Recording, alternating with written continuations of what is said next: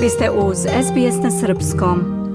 Delegacija Srbije Jelena Begović, ministarka nauke, tehnološkog razvoja i inovacija, Mihajlo Jovanović, ministar informacija i telekomunikacija i Dušan Borovčanin, direktor novoosnovane kompanije Expo 2027, predstavila je u utorak u Parizu Generalnoj skupštini Međunarodnog biroa za izložbe izveštaj o napretku u pripremama za specijalizovanu međunarodnu izložbu Expo koja će 2027. godine biti održana u Beogradu.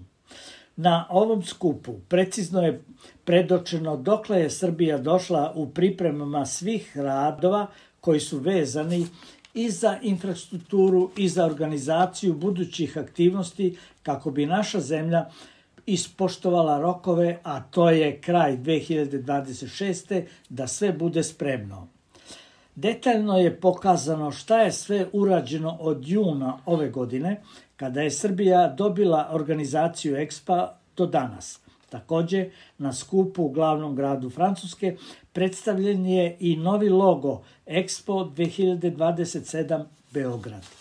Ministarka Jelena Begović je za Tanjuk kazala – Evo nas ponovo u Parizu na Generalnoj skupštini, e, vezano naravno za Expo. Danas smo predstavili dokle Srbija došla, pre svega što se tiče pripreme i svih gradova koji su vezani kako za infrastrukturu, ali tako i za organizaciju svih budućih aktivnosti, kako bi e, uspeli da ispoštujemo datum, a to je kraj 26. Znači da sva infrastruktura bude spremna, izuzetno veliki projekat kao što znate, i da organizacijono Srbija uđe u 27. i dočeka preko 4 miliona posetilaca. Predstavljen je novi logo koji onako ima jednu lepu simboličnu priču i ta priča počinje sa dve reke, Savom i Dunavom, e, sa ušćem koje se nalazi u Beogradu i polako se pretvara u jednu igru koju smo se igrali, koju, se, koju smo igrali kao deca, e, transformiše se i postaje jedan onako vrlo živopisan višedimenzionalni logo koji označava igru, označava vodu, označava slobodu, označava sve ono što smo zamislili da bude u stvari priča vezana za Expo 27 u Beogradu. Dušan Borovčanin, direktor kompanije Expo 2027 Beograd, u Parizu se prvi put obratio kao direktor ove kompanije. To je inače uobičajena praksa i neka vrsta obaveza u odnosu na Međunarodni biro za izložbe, da kao zemlja domaćin osnujemo uh, kompaniju koja će se baviti pripremom izložbe.